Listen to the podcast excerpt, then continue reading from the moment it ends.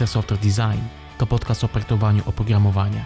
Wraz z moimi gośćmi rozmawiamy o architekturze, szczegółach implementacyjnych i wyzwaniach z tym związanych.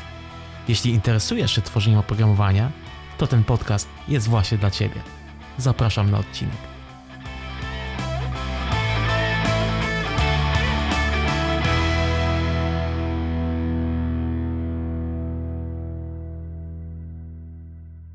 Cześć Kuba. Cześć. Jak tam po I Love Devie? Bo widziałem twoją prezentację, e, siedziałem pod sceną i miałem wrażenie, że pod koniec prezentacji ty się bawiłeś doskonale kosztem prowadzącego. E, albo, albo prowadzący kosztem. Nie, nie, nie, nie miałem takiego poczucia, że się bawię kosztem prowadzącego, ale było sympatycznie, tak. Sympatycznie.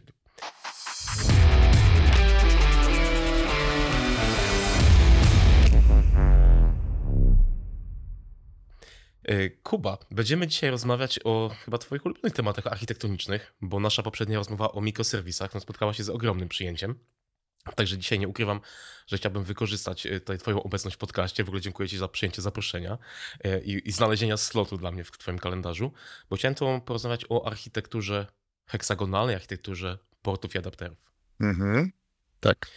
Nie wiem, czy miałeś okazję ostatnio, o, w, ostatnio, w ostatnich kilku miesiącach śledzić Alistera Coberna, mm, autora mm, Hexagonal Architecture, tego konceptu, Mhm. na, na Twitterze. Tam była taka dosyć duża, nie chcę powiedzieć, że wojenka, ale taki dosyć duży mm, wywód, że chyba tu ludzie nie do końca zrozumieli, o co mu chodzi. I taka, no, czuć było, że postanowił gdzieś tam się uzewnętrznić. Ja tak sobie stwierdziłem, że w sumie to jest taki fajny mo- moment, żeby właśnie wrócić do tego konceptu i przypomnieć sobie, o co tak naprawdę chodziło w tym koncepcie architektonicznym. Tak, myślę, że bardzo ważne jest, żeby zrozumieć, do czego on służy, dlatego że on sam w sobie nic nie daje i tak naprawdę nie jest celem. On jest drogą do celu, którą się uzyskuje i mam, mam czasami takie dziwne myśli i odczucia, kiedy widzę, że ktoś go użył, ale zapomniał po co. No właśnie, też chciałem się tutaj tro- troszeczkę jakby podpytać e, o twoje obserwacje, jak ten wzorzec architektoniczny jest e, stosowany, ale zanim do tego dojdziemy, to wróćmy do początku. Skąd to się w ogóle wzięło? Jakie problemy ten koncept ma nam pomóc rozwiązać?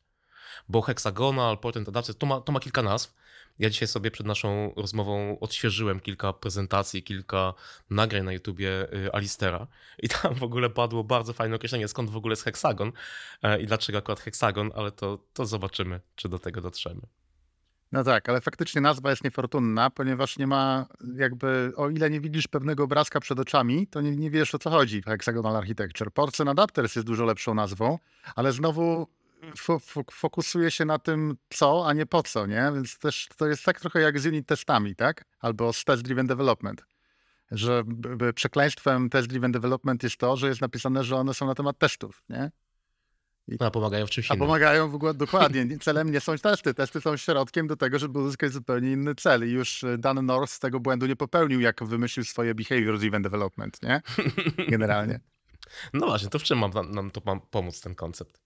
No dobrze, więc tak. e, Szeroko i e, można powiedzieć, że pozwala nam, ładnie to Alistair opisuje, pozwala nam sterować aplikacją w dowolny sposób, między innymi batchowy. Co to znaczy batchowy? Brzmi tak bardzo poważnie. Krótko rzecz biorąc, pozwala nam odpalić na przykład testy całej aplikacji, niezależnie od technologii, której używamy, niezależnie od tego, z czym się integrujemy, niezależnie od tego, czy posiadamy na przykład test containers, czy nie posiadamy, czy też jakiekolwiek inne technologie, i sprawdzić, czy to działa, tak? Czyli kró- krótko rzecz biorąc, wymienić te rzeczy, które są trudne normalnie w testowaniu, albo dawniej były, bo za czasów, kiedy on to próbował, e, kiedy on to wprowadzał, to to było po prostu, pewne rzeczy były niemożliwe do testowania, e, albo do testowania szybko, i zweryfikować, zweryfikować zachowanie aplikacji. Natomiast chociaż koncepcja jest taka pierwotna, tak naprawdę jest jeszcze szersza, bo pozwalała na przykład wymieniać UI, albo pozwalała wymieniać bazy danych, Dzisiaj to bym powiedział, że to jest dużo prostszy temat niż się wydaje, tak? Krótko rzecz biorąc, e, nikt już nie potrzebuje wymieniać bazy danych, ponieważ e, zazwyczaj jeśli masz jakąś technologię dostępu do bazy danych i ona jest danej kategorii, czy na przykład to są bazy danych relacyjne, dla przykładu w Java taki Hibernate, to Hibernate jest tą warstwą, która już potrafi wymienić dowolną bazę danych na dowolną bazę danych, o ile zapytania masz w JPA-u. Em, natomiast JPQL. Natomiast e, tak samo z UI-em, tak? W momencie, kiedy zmieniasz framework do UI albo zmieniasz bazę danych y, z relacyjnej na coś innego, to tyle rzeczy jest do zmiany, ponieważ koncepcyjnie to się zmienia, ponieważ możliwości są zupełnie inne, że znowu ten, ten wzorzec nie jest istotny aż tak bardzo, a poza tym robi się to bardzo rzadko. Natomiast to, gdzie to jest super istotne i gdzie daje naprawdę duże zyski, to jest wtedy, kiedy musisz przetestować aplikację. I tu sytuacja jest po prostu dramatyczna, jak widzę, e, jak sobie ludzie radzą. Ja mam dosyć szybki komputer. Ostatnio, ostatnio kolega, którym, z którym programowałem, po prostu się załamał, jak zobaczył, że u mnie testy integracyjne oraz unitowe, generalnie ca, cały Maven Verify trwał 5,5 sekundy, a na, na jego laptopie to trwa jakieś minuty, nie? generalnie, ale to, to nawet przy tych szybkich komputerach generalnie ja bym wolał mieć odpowiedzi w milisekundy niż w sekundy, a już jak mam dojść do trzech minut albo półtorej minuty, to już mnie szlak trafia, więc, więc a ja robię mikroserwisy, nie? Więc yy, jak ktoś chce mieć dobre testy, to powinien używać Hexagonal Architecture. Jest tak, jak sobie właśnie odświeżałem y, też koncept na, ze strony Alistera, zresztą link do tej strony będzie, jest standardowo w opisie odcinka, to cały ten artykuł mm, w tej takiej nowszej wersji, bo on wygląda delikatnie inaczej niż kilka lat temu, właśnie zaczyna się od tego, że no w sumie to mamy takie dwa problemy. Nie? Pierwszy, że domena nam przenika do UI-a, to są właśnie te, te, dawne style, powiedzmy, programowania. A drugi, że kurczę, jak na koniec dnia to wszystko przetestować? No i jakoś do, do jednej z tych motywacji, która spowodowała, że Alistair wyszedł z tym konceptem, no tutaj się odwołałeś. Bo chyba to, że ta logika nam przecieka do UI, dobra, dalej się można spotkać, ale to chyba już obecnie nie jest aż taki duży problem jak kiedyś. Nikt tego już tak nie robi. Jeśli ktoś tak robi, to ma generalnie jest na początku swojej kariery. Generalnie to, to myślę, że 20 lat temu trójwarstwowa architektura to już było coś, że tak powiem, na porządku dziennym, nie? A dzisiaj wiemy, że trójwarstwowa architektura jest zła i że lepiej jest wprowadzić modularyzację i moduły. E, natomiast, więc nie sądzę, że ja nie widzę w naturze, żeby ktoś wrzucał często logikę biznesową do UI, chyba że projekt ma 30 lat, a znam takie projekty, jest zrobiony w technologii typu Delphi albo coś równie ohydnego. E, I po prostu zwyczajnie w świecie wszyscy robią siłą rozpędu na zasadzie, że dziad i pradziad tak rzeźbił, to ja też tak będę rzeźbił, a poza tym co w tej technologii można innego zrobić, nie? Też można, to tak swoją drogą od razu podpowiadam, tak?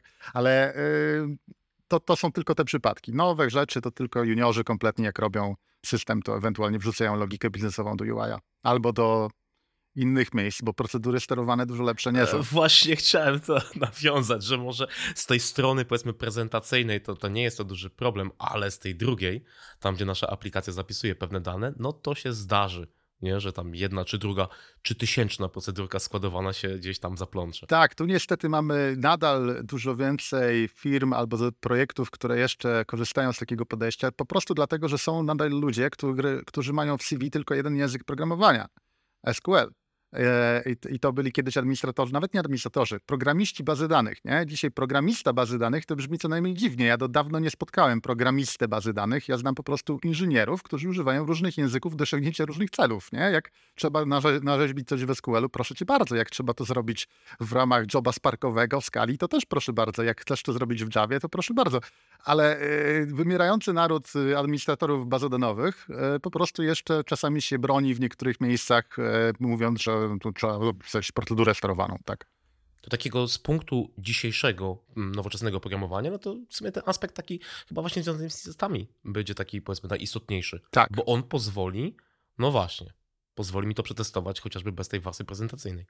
Tak, i e, bez warstwy prezentacyjnej, ale też po prostu pozwoli przetestować kod, który piszemy w sposób bardzo szybki i wygodny. I znowu to się dzieje się trochę, że w ten sposób, że naród idzie w innym kierunku. Ponieważ przyspieszyło nam dewelopowanie rzeczy razem z bazą danych, bo na przykład mamy takie biblioteki jak Test Containers, które w Dockerze stawiają mi Postgresa w ciągu poniżej dwóch sekund i w związku z czym ja do testów mam gotowego Postgresa i tak naprawdę te moje testy integracyjne i unitowe i całego mikroserwisu, które trwają 5,5 sekundy, trwają razem z postawieniem Postgresa w Dockerze, więc to, this is not bad, nie? Generalnie, więc człowiek myśli sobie, po co mi coś innego, tak? Natomiast, y, no nadal, 5,5 sekundy, fajnie, fajnie. Jak zobaczysz moje, mikro, moje unit testy trwające milisekundy, to będziemy rozmawiać na temat zupełnie innego pro, sposobu programowania, nie? Krótko mówiąc, flow pod tytułem 5,5 sekundy, to ja sobie odpalę, jak zrobię fragment, tak? A rzeczy, które, które mogę odpalać natychmiast, no to jest zupełnie, zupełnie inna przyjemność, tak? A to w takim razie, skoro wiemy, y, Kuba, jaki problem tu rozwiązuje, to rodzi się od razu pytanie, to jak to w kodzie wygląda? Bo na czym ta architektura w ogóle polega? Bo jak tak się przejrzy jedno, drugie, trzecie, dziesiąte, setne repo na GitHubie, a przed naszą rozmową przejrzałem sobie, może nie sto, ale, ale ładnych parę repozytoriów, to ktoś, kto ten termin słyszę pierwszy raz, to będzie miał takie wrażenie, że to polega na przewalaniu obiektów między warstwami, na wystawianiu jakichś kosmicznych punktów styku, w których następuje jakaś dziwna transformacja i za chwilę robimy to samo, tylko że w drugą stronę. Tak, to... to... A, a pozwól, że jeszcze tutaj tylko no. dorzucę, bo z ciekawości wszedłem sobie na repo y, też Alistera, y, takie to najstarsze, które tam jest. Ono się chyba nazywa y, Simple Web Hexagon, coś takiego. I tego tam nie ma. Tam jest jedna klasa jakiegoś rate kalkulatora czy czegoś takiego i w ogóle nie ma całej tej obudowy. Mhm. I jest komentarz, to jest hexagonal. Ja tego repo nie oglądałem, się nie wypowiem na ten temat. Okay. Eee, natomiast to generalnie wzorzec jest prosty jak budowa cepa i tak naprawdę, kiedy mówi się architektura heksagonalna, to to jest tak na wyrost, że po prostu no to nie jest żadna architektura, to jest wzorzec. Jeden prosty wzór pod tytułem zastosuj to, żeby. E, I na czym ona polega? Na tym, że jak masz swoją, załóżmy, że masz aplikację i teraz będę mówił o modularnym monolicie, ponieważ mikroserwisy to też modularne monolity, ale będę mówił o modułach, bo to jest bardzo ważne i bardzo mnie denerwuje, kiedy ktoś nie modularyzuje aplikacji, a pcha się w hexagonal architecture, like what the hell is going on? E, więc wracając do, do sytuacji. Mamy sobie moduł, ten moduł ma wszystkie warstwy, jak każdy prawdziwy moduł. Ma bazę danych, ma dostęp do innych modułów, ma dostęp do, ma logikę biznesową, ma całą masę różnych integracji, powiedzmy, z całym światem, bo dzisiaj jesteśmy zintegrowani tak mocno, że hej. Um, i stoi na AWS-ie, pisze do S3, robi cudawianki, nie? Więc generalnie masę różnych rzeczy, zwłaszcza jak zaczynamy korzystać z chmury publicznej czy prywatnej i chcesz to po prostu łatwo, szybko testować w duchu test-driven albo behavior-driven development, to co robisz? Jedną prostą rzecz. Wszystko, co dotyka tych zewnętrznych rzeczy, które się ciężko testuje albo które tak naprawdę dotykają I.O., bo jeśli chcesz mieć szybkie testy, to wrócimy do tego, ale generalnie powinieneś wyciągnąć wszystko, co dotyka I.O.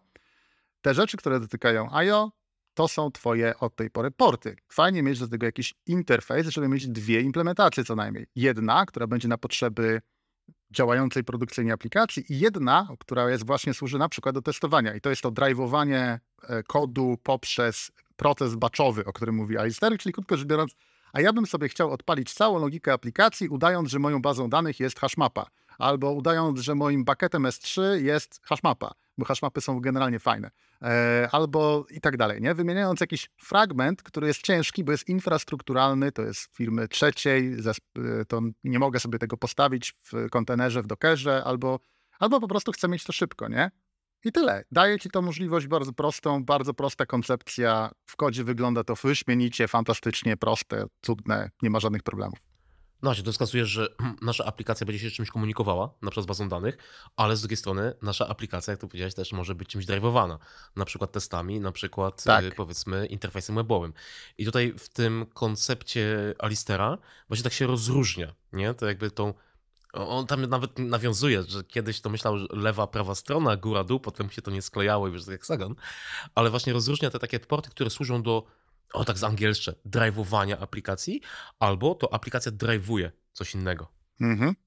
No właśnie, a y, tak dzisiaj sobie obejrzałem właśnie tę prezentację mm, Alistera i w którymś momencie tak nawiązywał do tego, że dawno temu, bo to, to już wiesz, taki starszy pan, który opowiada, jak to kiedyś było, mm, Mam nadzieję, że nikt mnie za to tutaj nie dojedzie. E, po, po, poza, tym, po, poza tym, ja bym chciał wyglądać tak, jak starszy pan Alistair Coburn wygląda, ok? W sensie, jak on miał 50 lat, jestem na Twitterze zdjęcie, z, e, z sobie obejrzyjcie, jak wygląda, no nie? Jak go spotkałem osobiście w Warszawie na Agile by Example bodajże, to nie mogłem uwierzyć, ile on ma lat, ok? Ten człowiek wygląda, jakby miał 30. No właśnie to zdjęcie, jeżeli mówimy o tym samym zdjęciu z gołą klatą, tak. to tak coś koło, a, to coś koło 30. A podczas prezentacji pokazywał, jak skakał na, na bańkę po prostu na golasa do, do wody z jakiejś e, dużej wysokości, w sensie z jakiegoś tam klifu czy czegoś takiego, no nie? To jest taki koleś, nie bez powodu ma kolczyk w uchu, no nie? ale tak właśnie nawiązywał, wiesz, w tej prezentacji do tego, że no już czuł jakiś czas temu, że ta aplikacja właśnie ma kilka takich, powiedzmy, punktów interakcji. Nie do końca czuł, ile ich jest, ale że jest więcej e, tych punktów niż, niż tam kilka i tak zastanawiał się właśnie, jak to namalować i tak stwierdził, że no trójkąt, czworokąt to, to za mało, żeby to pokazać. Pentagon jest dosyć trudno narysować, no to stanęło na heksagonie. I taka jest według Alistera historia właśnie tego hexagonal architecture, No właśnie. który się później zmieniło właśnie na Ported Adapters, bo to bardziej oddaje kwintesencję tego, tej, tej idei. No tak. Chciałem powiedzieć tylko tyle, że jak nie znasz tego rysunku, to nie masz żadnych szans domyśleć się, co to jest hexagonal architecture. A nawet jak widzisz ten rysunek, to i tak ktoś ci to musi wytłumaczyć, więc to jest dobrze, że to się zmienia. No właśnie, chyba tak powiedziałeś, że to w kodzie bardzo fajnie i prosto wygląda, to jak ten koncept y, tego heksagonów, portów i adapterów mm, wygląda tak naprawdę z perspektywy edytora? Bo w czym to pomoże, to już wiem. Ok, dobra, to na, na poziomie testów ja sobie podmienię e, w tym porcie, powiedzmy, komunikacyjnym do persystencji bazę danych na tą hashmapę. Tak jest. To, to czym, czym się różni, nie? No, Na czym to polega? No to jak chcesz podmienić na hashmapę, to idea jest kluczowa taka, żeby mieć jakiś interfejs, który jest twoim, e, to jest twoje normalne repozytorium do prawdziwej bazy danych i teraz zastępujesz tą, ten, ten interfejs przy pomocy implementacji, która jest hashmapą, no nie? Można iść w moki, ale krótko rzecz biorąc, e, kluczowe jest to, żeby zastąpić ten jeden fragment, ale tylko ten fragment, tylko ten, który dotyczy komunikacji z bazą danych, a res, resztę logiki, którą masz w aplikacji, zostawić. I tak zrobić dla każdej rzeczy, która jest albo trudna, albo w przypadku testów, mówmy o dzisiejszych czasach, która dotyka I.O. W momencie, jak dotykasz I.O., masz trzy rzędy wielkości wolniej, tak? Jeśli twój test ma działać w milisekundach, nie dotykaj I.O., będziesz miał tysiące testów, będą działały w milisekundach. Zaczynasz dotykać I.O., twoje testy przechodzą w sekundy, które się kumulują do minut, które się kumu- kumulują generalnie do wartości, w której zaczynasz iść na kawę, ponieważ odpaliłeś testy i nie chcesz mieć tej sytuacji, tak? No to w takim razie też jakby, y, skoro mogę to zrobić na poziomie testów, to też rozumiem, że w, w runtime, powiedzmy, aplikacji mógłbym sobie taką implementację portu podmieniać w zależności, nie wiem, tam od, od wymagań klienta. Absolutnie. Tak, co więcej, mi się zdarza czasami wdrożyć taką aplikację, która zamiast prawdziwej bazy danych ma hashmapę. Jaki to ma sens? Po co to jest? No nie? I w ogóle jak to? Aplikacja na hashmapie? Przecież out of memory error gwarantowany, tak? A i owszem, ale jak chcesz pokazać demo na przykład klientowi albo biznesowi, tak? To czemu nie? Nie wyklikałem jeszcze, nie mam, nie, nie mam w Wolcie e, loginu i hasła albo URLa do bazy danych, nie, nie mam jakby jak się dobrać, albo nie wyklikałem sobie tej bazy danych, tudzież nie założyłem jej skryptem, whatever, jakikolwiek masz e, mechanikę, ja mogę już odpalić aplikację, pokazać na przykład, że działa, nie? I dostać feedback od użytkownika albo od klienta.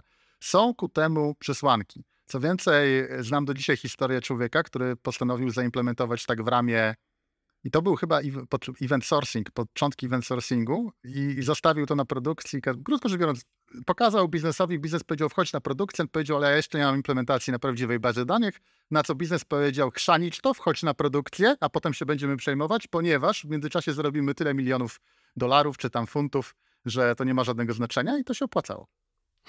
Taką historię znam, ale ja, nie, ja jej osobiście nie, nie, nie wprowadzałem. Nie? Natomiast mi się zdarza odpalić aplikację, pokazywać właśnie biznesowi, e, czy robić szybkie zmiany i to jest super.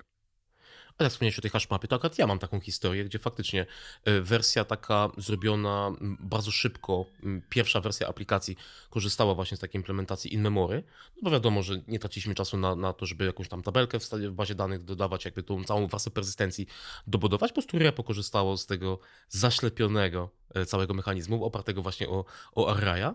I pierwsza wersja, która trafiła na produkcję, miała dokładnie tego samego arraya. I aplikacja korzystała z jakichś tam identyfikatorów wbitych w konfigurację, wyciągała oczywiście sobie, w sumie prosiła port, e, a adapter arrayowy zwracał informacje. I jak stwierdziliśmy po pewnym czasie, że już tych konfiguracji no jest troszeczkę za dużo, żeby to trzymać w arrayu i na początku faktycznie komitować bezpośrednio do repozytorium aplikacji, w sensie do Gita, no to podmieniliśmy tą implementację na bazę danych i po prostu te wszystkie wpisy przerobiliśmy na rekordy w bazie danych. Nikt się nie zorientował, działało wyśmienicie, działało wolniej, bo była baza danych, bo właśnie, bo opuszczaliśmy to, tą pamięć i się pojawiało y, odwołanie EO. Ale tu się skupiamy nie na, na bazie danych, a ważne, żeby pamiętać, że to, to dotyczy tak naprawdę dużo większy, większej puli integracji. Dla przykładu, systemy, z którymi dzisiaj pracuję, jedna aplikacja potrafi wysyłać SMS-y, gadać przez telefon, czyli voice, e, potrafi wysyłać maile, ma oczywiście bazy danych i jeszcze generalnie pięć innych różnych punktów e, integracji, że tak powiem, z urządzeniami fizycznymi na zewnątrz, nie? E, I, i, I to wszystko pięknie wygląda w momencie, jak właśnie wprowadzasz hexagonal architecture, sobie podmieniasz te wszystkie rzeczy, masz unit testy, które pokazują ci bardzo skomplikowane rzeczy, jak one działają, funkcjonują, albo definiujesz w ten sposób wymagania, ale wszystko to działa w milisekundach, bo sobie podmieniasz to wszystko na wersję in memory na przykład, nie?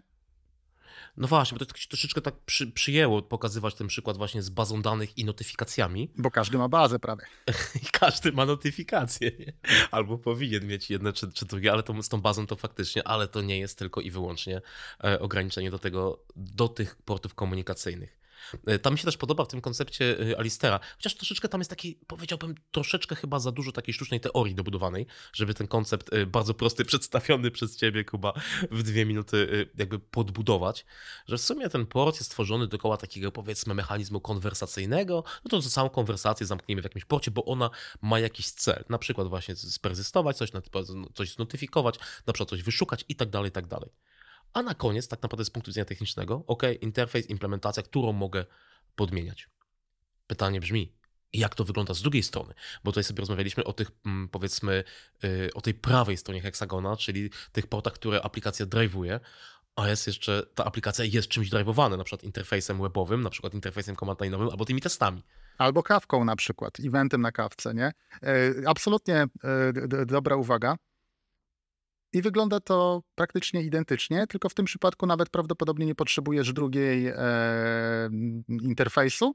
E, dla przykładu, jeśli masz moduł w swojej aplikacji i ten moduł zgodnie z definicją modułów posiada wszystkie warstwy, to jak chcesz go unitowo przetestować, to możesz gadać z modułem. Na pewno ma jakiś punkt wejścia. Jak Bóg da, to tam jest jeden punkt wejścia, czyli jest jakaś jedna klasa typu fasada, czy coś w tym stylu, gdzie się, którą się można dogadać, a cała reszta w module jest ukryta i po prostu prowadzisz konwersację, drive'ujesz. Teraz, co jeśli masz event kawkowy, który wywołuje ten moduł? Albo co jeśli masz restowe wywołanie, tak? Czyli masz kontroler jakiś z przodu, jakiś framework webowy i tak dalej, no nie? Nic specjalnego, to właśnie norma- robisz tą aplikację tak, żeby czy to przychodzi, przychodzący ci event kawkowy odbiera jako jakiś kawka, listener, cokolwiek, co tam z przodu stoi, woła ten twój moduł. Podobnie jeśli masz wystawioną tą funkcjonalność kontrolerem webowym, w sensie przez weba wystawioną, no to on woła ten moduł, czyli masz jedno proste API. I. Teraz jak masz takie API, które może być zawołane przez kontroler, to wywołujesz je w unit teście zamiast przez kontroler. I w ten sposób masz komunikację nie po IO, tylko masz pięknie, ładnie komunikację wewnątrz. In proces, działa to super szybko i pozwala ci testować wszystko, nie posiadając na przykład kawki, chociaż kawkę można postawić w test kontenerach. Polecam serdecznie, bardzo proste.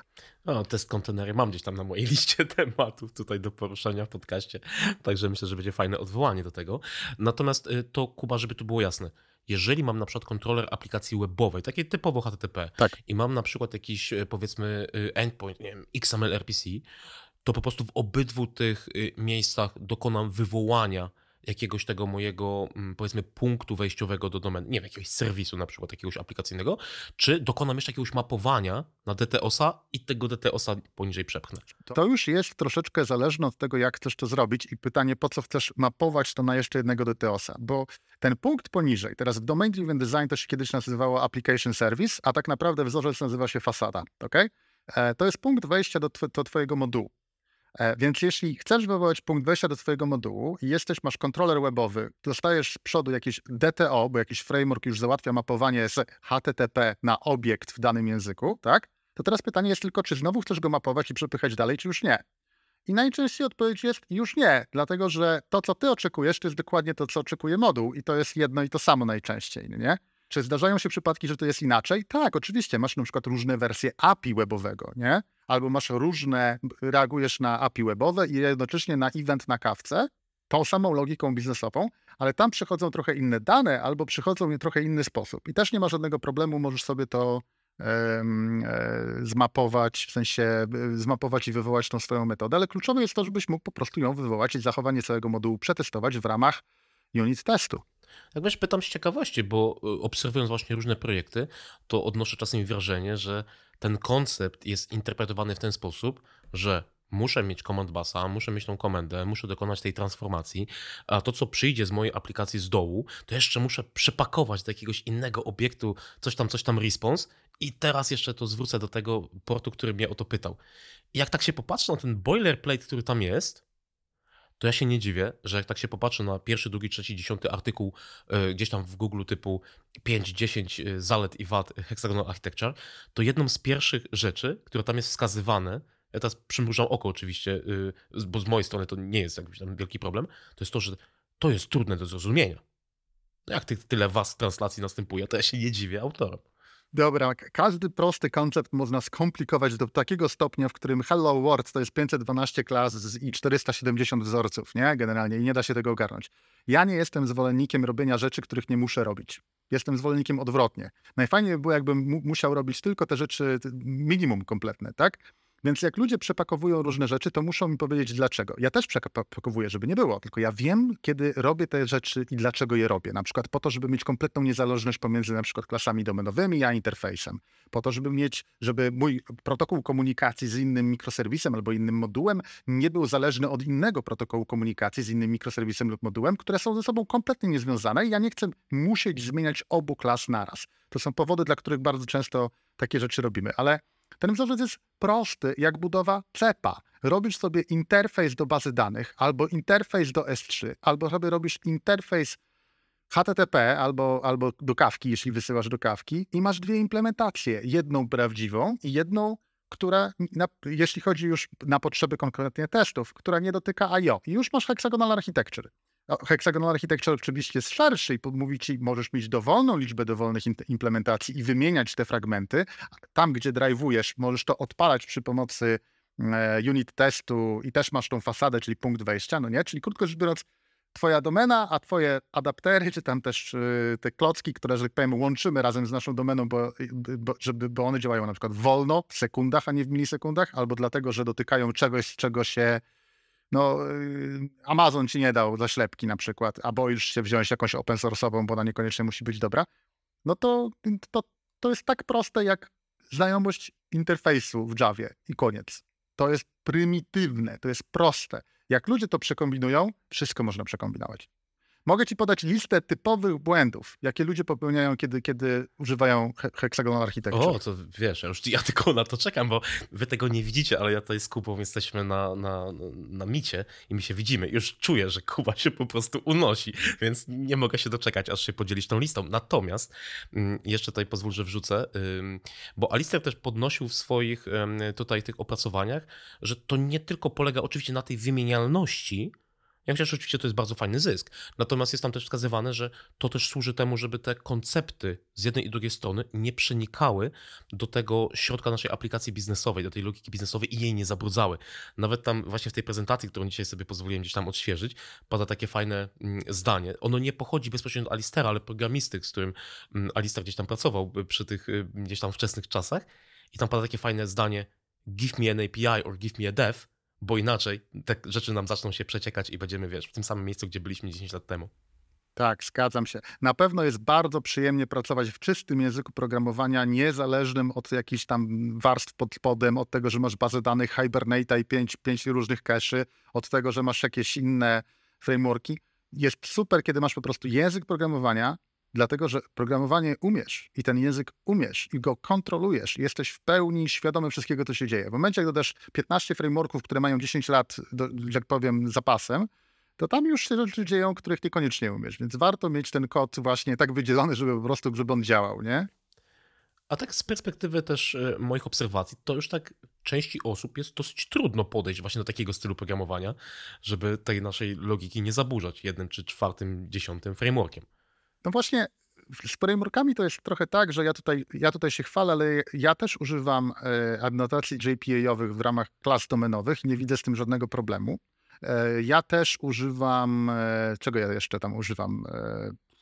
DTOSy czasami mają adnotacje Jacksonowe, czyli krótko rzecz biorąc mapują się na JSONa dlatego że one idą bezpośrednio przez kontroler na zewnątrz albo, i, albo rzeczy te są serializowane gdzieś w jakiś inny sposób, czy idą na kawkę. Także ja nie mam problemu z tym, żeby za, że mój kod domenowy, krótko rzecz biorąc, zobaczysz tam pewne rzeczy, które dotyczą e, tych właśnie frameworków, warstw i tak dalej. Tylko one są w sposób nieinwazyjny zrobione. Co to znaczy nieinwazyjny? To znaczy, że ja nadal mogę napisać testy w czystej Javie, klasyczna Java, nic więcej, które mi kompletnie przetestują cały fragment no i Java akurat takie rzeczy umożliwia, bo są te, to są głównie adnotacje. Adnotacje same z siebie nie działają. Musisz coś uruchomić, co interpretuje adnotację. Jak tego czegoś nie ma na klaspatie, to po prostu masz kod, który działa. Więc to jakby da się to. Ja nie, ja nie jestem purystą, jeśli chodzi o takie podejście. Jestem bardzo pragmatykiem, więc wolę napisać mniej kodu, który będzie działał i mieć po prostu to z głowy, Aczkolwiek y, jak y, to, świadomie podejmuję decyzję, jeśli chcę na przykład przypakować DTOSy. Dlatego, że wiem, że jeśli powiążę ze sobą dwa interfejsy dwóch różnych usług, to w tym momencie jakakolwiek zmiana w jednej z nich wybucha mi od razu komunikację z drugą. To nie jest sytuacja, w której ja chcę być. W związku z czym te rzeczy robię, robię świadomie, nie? A to wiesz, fajnego wątku dotknąłeś, bo dosłownie dwa dni temu pozwoliłem sobie wrzucić na Instagramie taką ankietę właśnie odnośnie, w cudzysłowie, teraz macham rękami, brudzenia y, obiektów domenowych właśnie adnotacjami ORM-a i się zapytałem y, osób, które gdzieś tam mnie obserwują, co na ten temat sądzą. Oj, powiem ci, że zaczął się flame war. I generalnie uczucie było takie, że jak to zaraz brudzić nasze obiekty piękne, domenowe taką, powiedzmy, wasą persystencji nie przystoi. I sobie, kiedyś miałem takie podejście do programowania, że też mnie to bolało. Bardzo. I jakby starałem się trzymać czystą separację. A potem się uderzyłem spokojnie ręką w czoło i się zastanawiałem, Mariusz, co ty właściwie robisz? Nie? Dodawanie tych, powiedzmy, dodatkowych warstw, rozwiązywanie problemu, który boli tylko tą osobę, która czyta ten kodzik, a nie rozwiązuje żadnego problemu biznesowego, to nie jest coś czasami, na co warto tracić czasu. I tak, teraz mam taką perspektywę na to, że jeżeli to jest ostatnia rzecz w projekcie, która by spowodowała, że uzyskamy, wiesz, ten mityczny święty gra, okej, okay, dobra, możemy się chwilę postleniać, ale jeżeli mamy coś istotniejszego, trudniejszego, ważniejszego, coś, co, czego rozwiązanie nam zapewni łatwiejszy development, yy, szybsze dostarczanie funkcji biznesowych, to zróbmy to najpierw, a potem wróćmy do tych adnotacji. I wiesz co, jak zacząłem ileś tam lat temu stosować takie podejście, to się okazało, że ja nigdy do tych adnotacji nie wróciłem. Przestało mnie to boleć i podpisuję się lewą i prawą ręką po tym, co powiedziałeś. No ja, ja, nigdy nie byłem religijny, jestem agnostykiem, w związku z czym nigdy nie miałem tego problemu, że tam mam jakieś adnotacje w klasach domenowych. Nie bolało mnie to nigdy i nie boli mnie to do dzisiaj. Po prostu zwyczajnie w świecie mój kod, jakby staram się rozwiązywać problemy rzeczywiste. Mój problem rzeczywisty jest na przykład taki. Chciałbym mieć izolację, żeby móc przetestować cały moduł w milisekundy, mieć wszystkie testy, unit testy, a potem zrobić tylko testy integracyjne i mam z głowy. I to jest podstawowy powód, dla którego używam e, Hexagonal Architecture. I robię to na poziomie każdego modułu jestem szczęśliwym człowiekiem, ponieważ powoduje to, że rozmawiam z biznesami o wymaganiach. Moje testy to są tak naprawdę behavior driven development i to są scenariusze behawioralne, które tłumaczą dokładnie, co się dzieje, a weź się spróbuj połapać, jak ktoś pisze takie klasyczne testy do metod i klas i, i masz wielki projekt i próbujesz rozmawiać z biznesem o wymaganiach i nikt nie ma ich spisanych. A, a z testów się tego nie da wyczytać. No, ja już sobie nie wyobrażam trochę pracy w ten sposób, ponieważ to jest tak chore, jak się można, jak, dlaczego ludzie się doprowadzają do tej sytuacji, no nie? po prostu i po co przede wszystkim, więc yy, yy, Także dla mnie religia jest kompletnie nieistotna, dla mnie liczy się praktyka i, i, i tyle, nie? No to pozwól, że wyciągnę. Tutaj mam zaparkowany na, na stosie naszej rozmowy wątek o błędach. Jakie błędy są popełniane w Twojej obserwacji przy stosowaniu tego rodzaju architektury? Dobra, to pierwsza podstaw, pierwszy podstawowy, dobra, to po kolei może. Pierwszy podstawowy błąd jest taki, że ludzie wprowadzają tę architekturę i zapominają, po co ją wprowadzają. Po co wprowadzasz e, Hexagon Architecture Ports and Adapters? Po to, żeby wymieniać te porty i adaptery. Kiedy chcesz wymieniać te porty i adaptery? Na 99% w testach. Inne przypadki są szalenie rzadkie, po prostu. Istnieją, zdarzają się, ale większość technologii generalnie sobie to ogarnia to trochę inaczej. Natomiast jeśli chcesz, no to chcesz mieć w takim razie testy, w których będziesz podmieniał sobie to na inne implementacje. Więc do jasnej cholery zacznij testować w ten sposób. Przykład antywzorca. Mam porty i adaptery oraz mam testy do klas, do pojedynczych klas. Po co ci porty i adaptery, jeśli nie masz testy do całego modułu albo do całej aplikacji nawet, tylko masz testy i wyłącznie do klas. Jeśli masz jakąś klasę, to nie potrzebujesz do niej portów i adapterów, bo każdy interfejs, który ona przyjmuje, to jest twój port. A każda implementacja tego interfejsu, choćby była tylko jedna, to jest twój adapter. Więc znowu, to, to się używa w pewnym konkretnym pewnego konkretnego powodu. To jest pierwsza rzecz. Druga rzecz, nie wszystko musi być portem i adapterem, ok? Nie wszystko chcesz mieć, yy, jakby, nie wszystko musisz traktować jako, jako port i adapter. Musisz wiedzieć dlaczego. Dla mnie to jest bardzo proste rozróżnienie. Jeśli coś dotyka I.O., to tu mamy już mój port. Jeśli nie dotyka I.O., to ja nie potrzebuję do tego, to, to, choćby to było z jakiegoś, nie wiem, biblioteki. Załóżmy, że korzystasz z jakiejś biblioteki. To nie jest twój port adapter. Niech to sobie będzie normalny kod, jeśli używasz Java, niech to będzie normalny kod w Javie. Wołaj tą bibliotekę i what's the problem, nie? Jeśli ta biblioteka pisze, biblioteka pisze po dysku, wali resty na zewnątrz albo generalnie komunikuje się po I.O., okej, nie chcesz z nią pisać unit testów, bo ci spowolni to o, o trzy rzędy wielkości, ale poza tym to nie jest żaden problem. Więc pierwszy, pierwsza rzecz to jest pamiętać, po co my to robimy. Ok? Jak masz testy do metod i klas, to nie używaj portów i adapterów. Najpierw się naucz modularyzacji i testowania modułów, behavior driven development i wtedy będziesz potrzebował hexagonal architecture, żeby mieć ten ładny i przyjemny e, e, behavior driven development. Tak to tak wygląda, jeśli chodzi o kolejność, dlaczego chcesz czegoś użyć i po co ci to. To to jest pierwszy, najpopularniejszy błąd. Drugi takich popularnych błędów, które widzę, to jest to, że ludzie traktują te rzeczy, krótko rzecz biorąc, robią sobie teraz pakiet ports, pakiet adapter, jeśli to jest Java, namespace w C Sharpie albo jakikolwiek inny, w innym podejściu, jakby nie starają się korzystać z narzędzi języka, tylko mówią, że jak mam, mam, jak, mam jakieś pakiety duże, wysokiego poziomu, to już mam porty i adaptery. Nieprawda.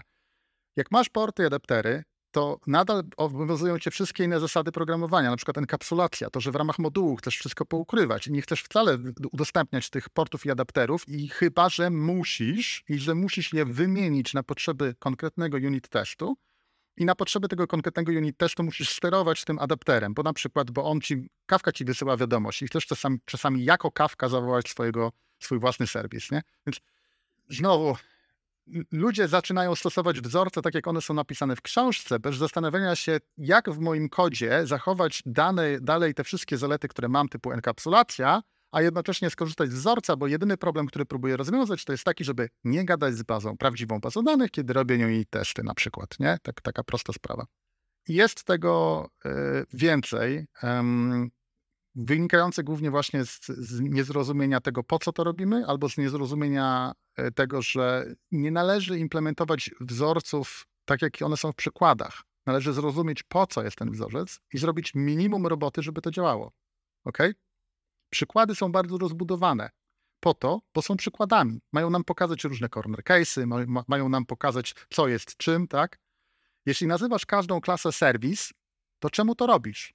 No bo jest wzorzec. Jaki wzorzec? No nie wiem, w domain driven design jest na przykład domain service. Tak, ten serwis, słowo serwis jest tylko i wyłącznie archetypem twojej klasy, ale to nie znaczy, że w każdej nazwie każdej kolejnej klasy, która implementuje taki archetyp, musisz mieć słówko serwis. To jest bez sensu, nie?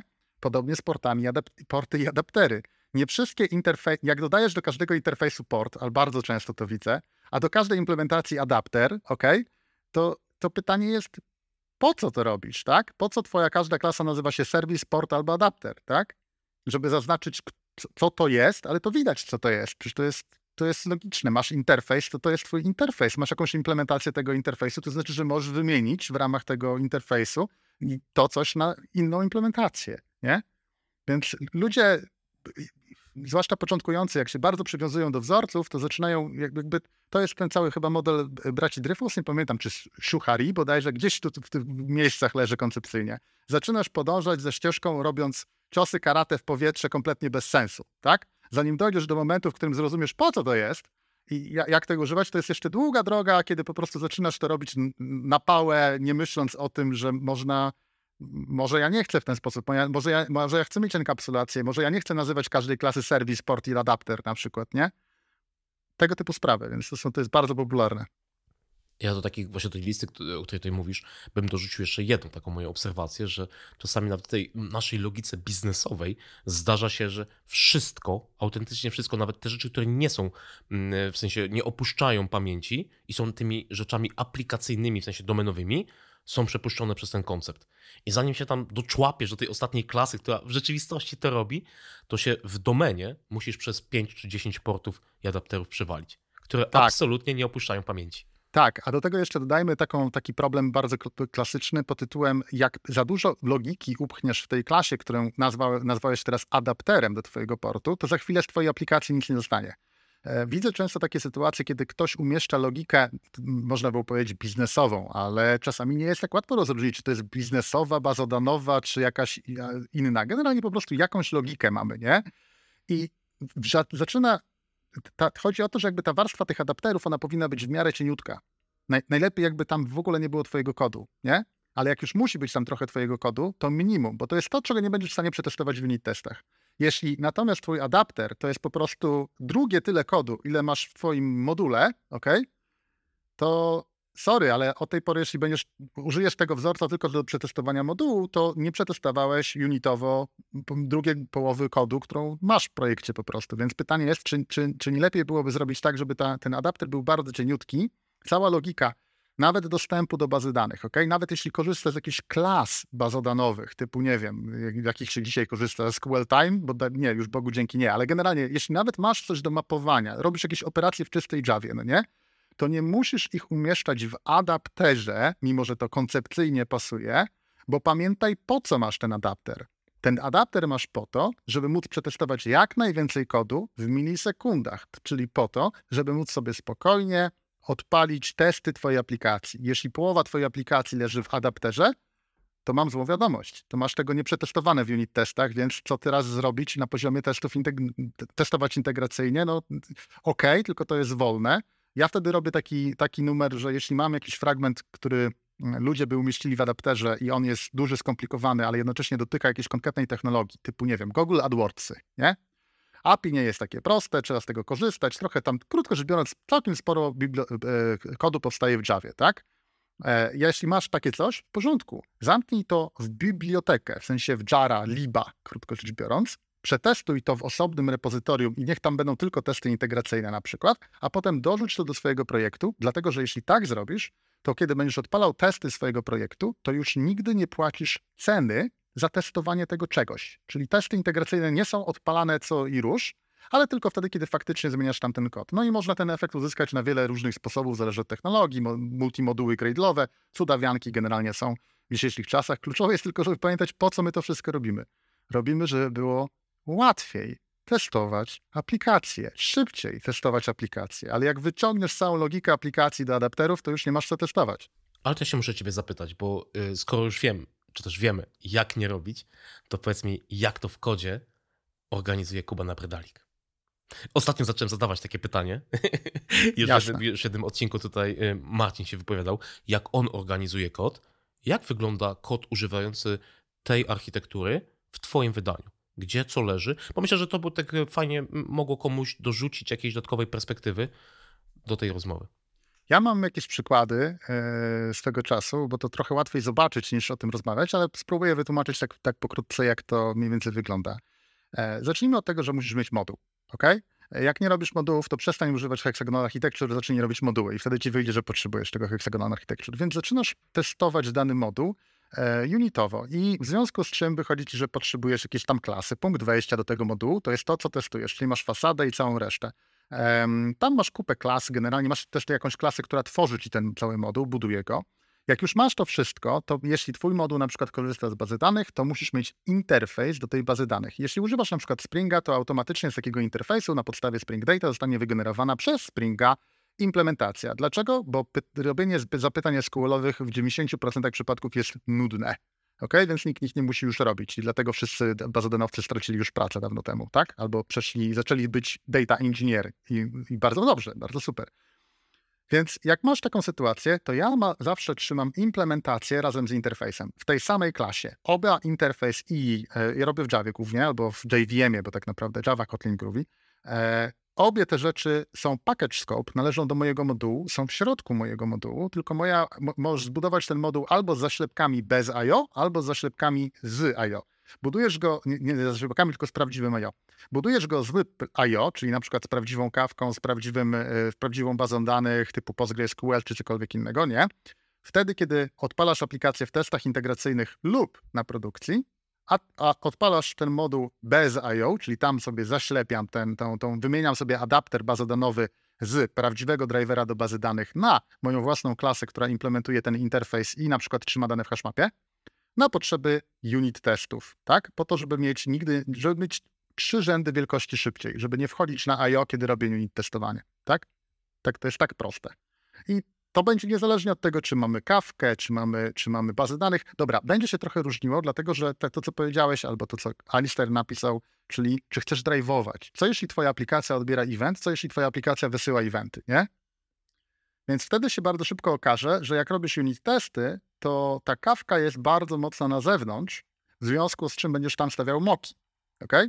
I to jest piękna sytuacja, w której masz interfejs, którym chcesz móc mokować. I teraz już zależy trochę od twojej technologii. Ja umiem takie moki, mm, takie rzeczy robić, korzystając nadal z package scope'a po to, żeby wszystko, żeby mieć pełną enkapsulację, bo enkapsulacja jest najważniejszym, najważniejszą koncepcją w całej, we wszystkim, tak?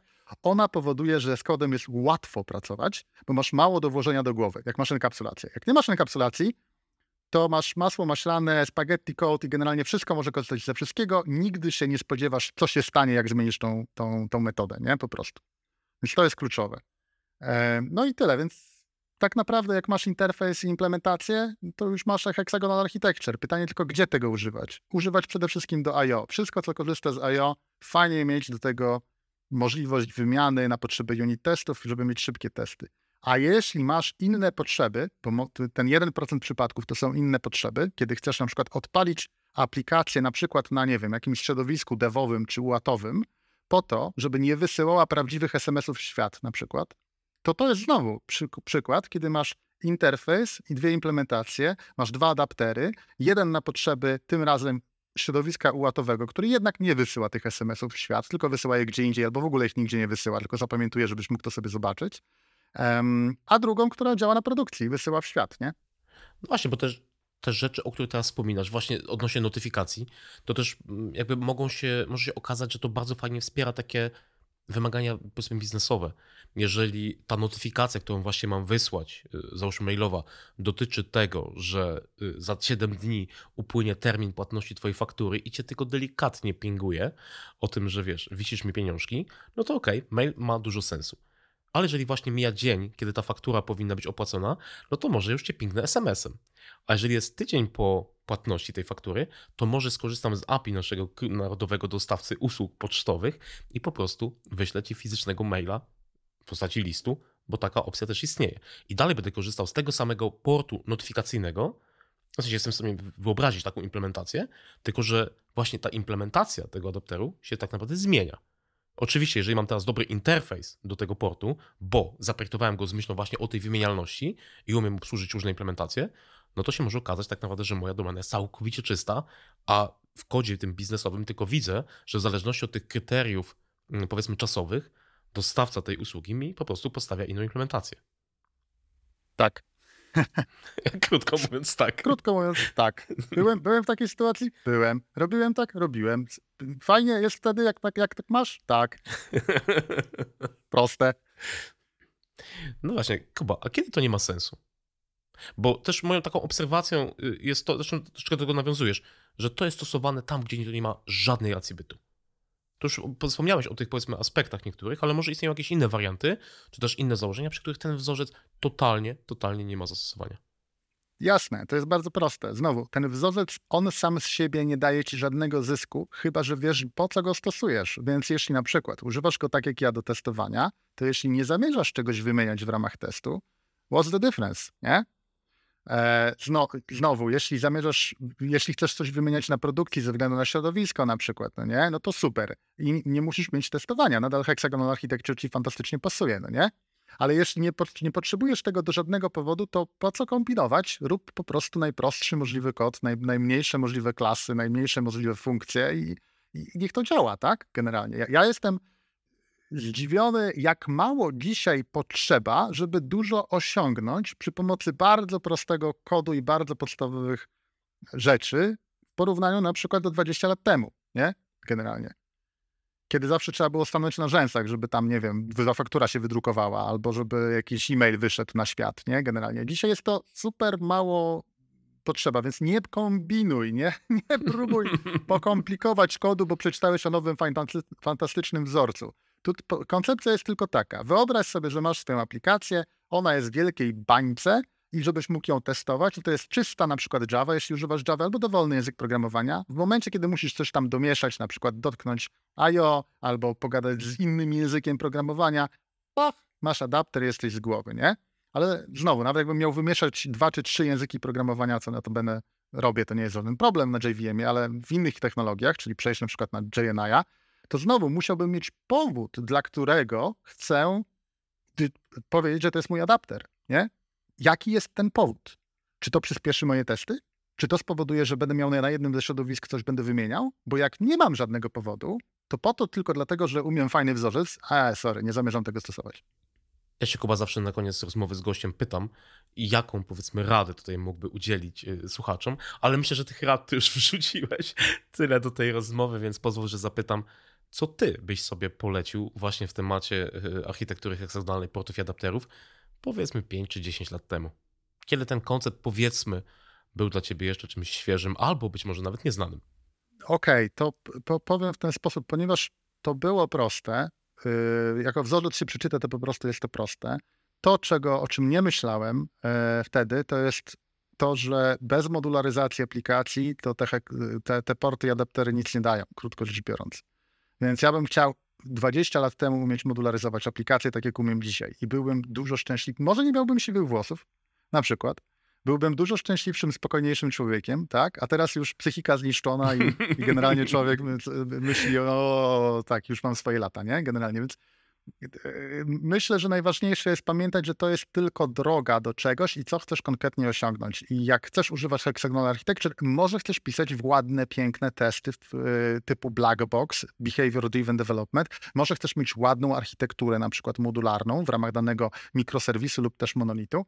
Skup się na tym, nie? A heksagonal będzie ci do tego potrzebny, żeby to ładnie testować unitowo. No i ostatnia rzecz, najważniejsza wydaje mi się. Wielu ludzi widzę, że ponieważ testy integracyjne są dzisiaj tak szybkie, a, a y, laptopy są takie fantastyczne i są te test kontenery i inne różne rzeczy, widziałem ludzi, którzy odchodzą od unit testów, ponieważ po co mi to, skoro wszystkie moje testy wykonują się w 5,5 sekundy na moim fantastycznym laptopie, tutaj jest jakieś 20 korów i 64 giga RAMu, nie? E, I odpowiedź jest taka, e, to będzie rosło, ok? I ta różnica pomiędzy 5,5 sekundy, a pomiędzy 50 milisekund ok? Ona się kumuluje i ona się kumuluje dosyć szybko. Więc dzisiaj możesz, może ci to nie jest potrzebne, ale ten twój projekt pewnie będzie żył 2-3 lata, nie? Albo i nawet 10, różnie to teraz bywa. Więc y, zastanów się nad tym, ponieważ te rzeczy rosną, kumulują się i potem jest coraz gorzej, a tymczasem jak masz unit testy i to testujesz szybko, to, to już testów integracyjnych potrzebujesz minimum, bo to jest tylko kwestia integracji, w związku z czym na tym bym się skupił, tak? Hexagonal Architecture to jest bardzo proste rozwiązanie bardzo prostego problemu, który dotyka cię bardzo mocno, jeśli idziesz w dobrą architekturę. O, tak bym powiedział. Ja bym tylko polecił powrót do tego pierwotnego artykułu właśnie Alistera. Zresztą on będzie tutaj podlinkowany w opisie tego odcinka. I na chwilę się zastanowić, o co chodziło autorowi i jak mocno nieskomplikowany jest to wzorzec. Tak, ja mam propozycję. Musimy kiedyś nagrać taki odcinek, gdzie będziemy w, pięć, w, ciągu, w ciągu E, jednym zdaniem, albo na przykład w, minutę maksymalnie, tłumaczyć bardzo skomplikowane e, problemy, w sensie te, które ludzie myślą, że są skomplikowane, w bardzo prosty, przykładowy sposób, e, bardzo prostym językiem. Bo ci ludzie, którzy, tak jak Alistair Coburn, który napisał fantastyczne książki swoją drogą, oni wchodzą w bardzo duże szczegóły po to, żeby opowiedzieć ci o wszystkich możliwych przypadkach, żeby wytłumaczyć, krótko biorąc, piszą rozprawy na ten temat, jak tego użyć. I to jest super. Tylko, że na samym początku to powinieneś zrozumieć tą pierwszą minutę pod tytułem patrz, to jest problem, to jest rozwiązanie, tak to działa, musisz o tym pamiętać, do widzenia, nie? Moglibyśmy coś takiego zrobić i wytłumaczyć te wszystkie wzorce i, i inne różne podejścia i słuchaj, myślę, że to będzie żarło. Ja tylko publikuję event Challenge Accepted i widzimy się następnym razem. Kuba, dziękuję Ci bardzo. Jak zwykle czysta przyjemność. A Wam, drodzy słuchacze, dziękujemy za wspólnie spędzony czas. Do usłyszenia. Do usłyszenia.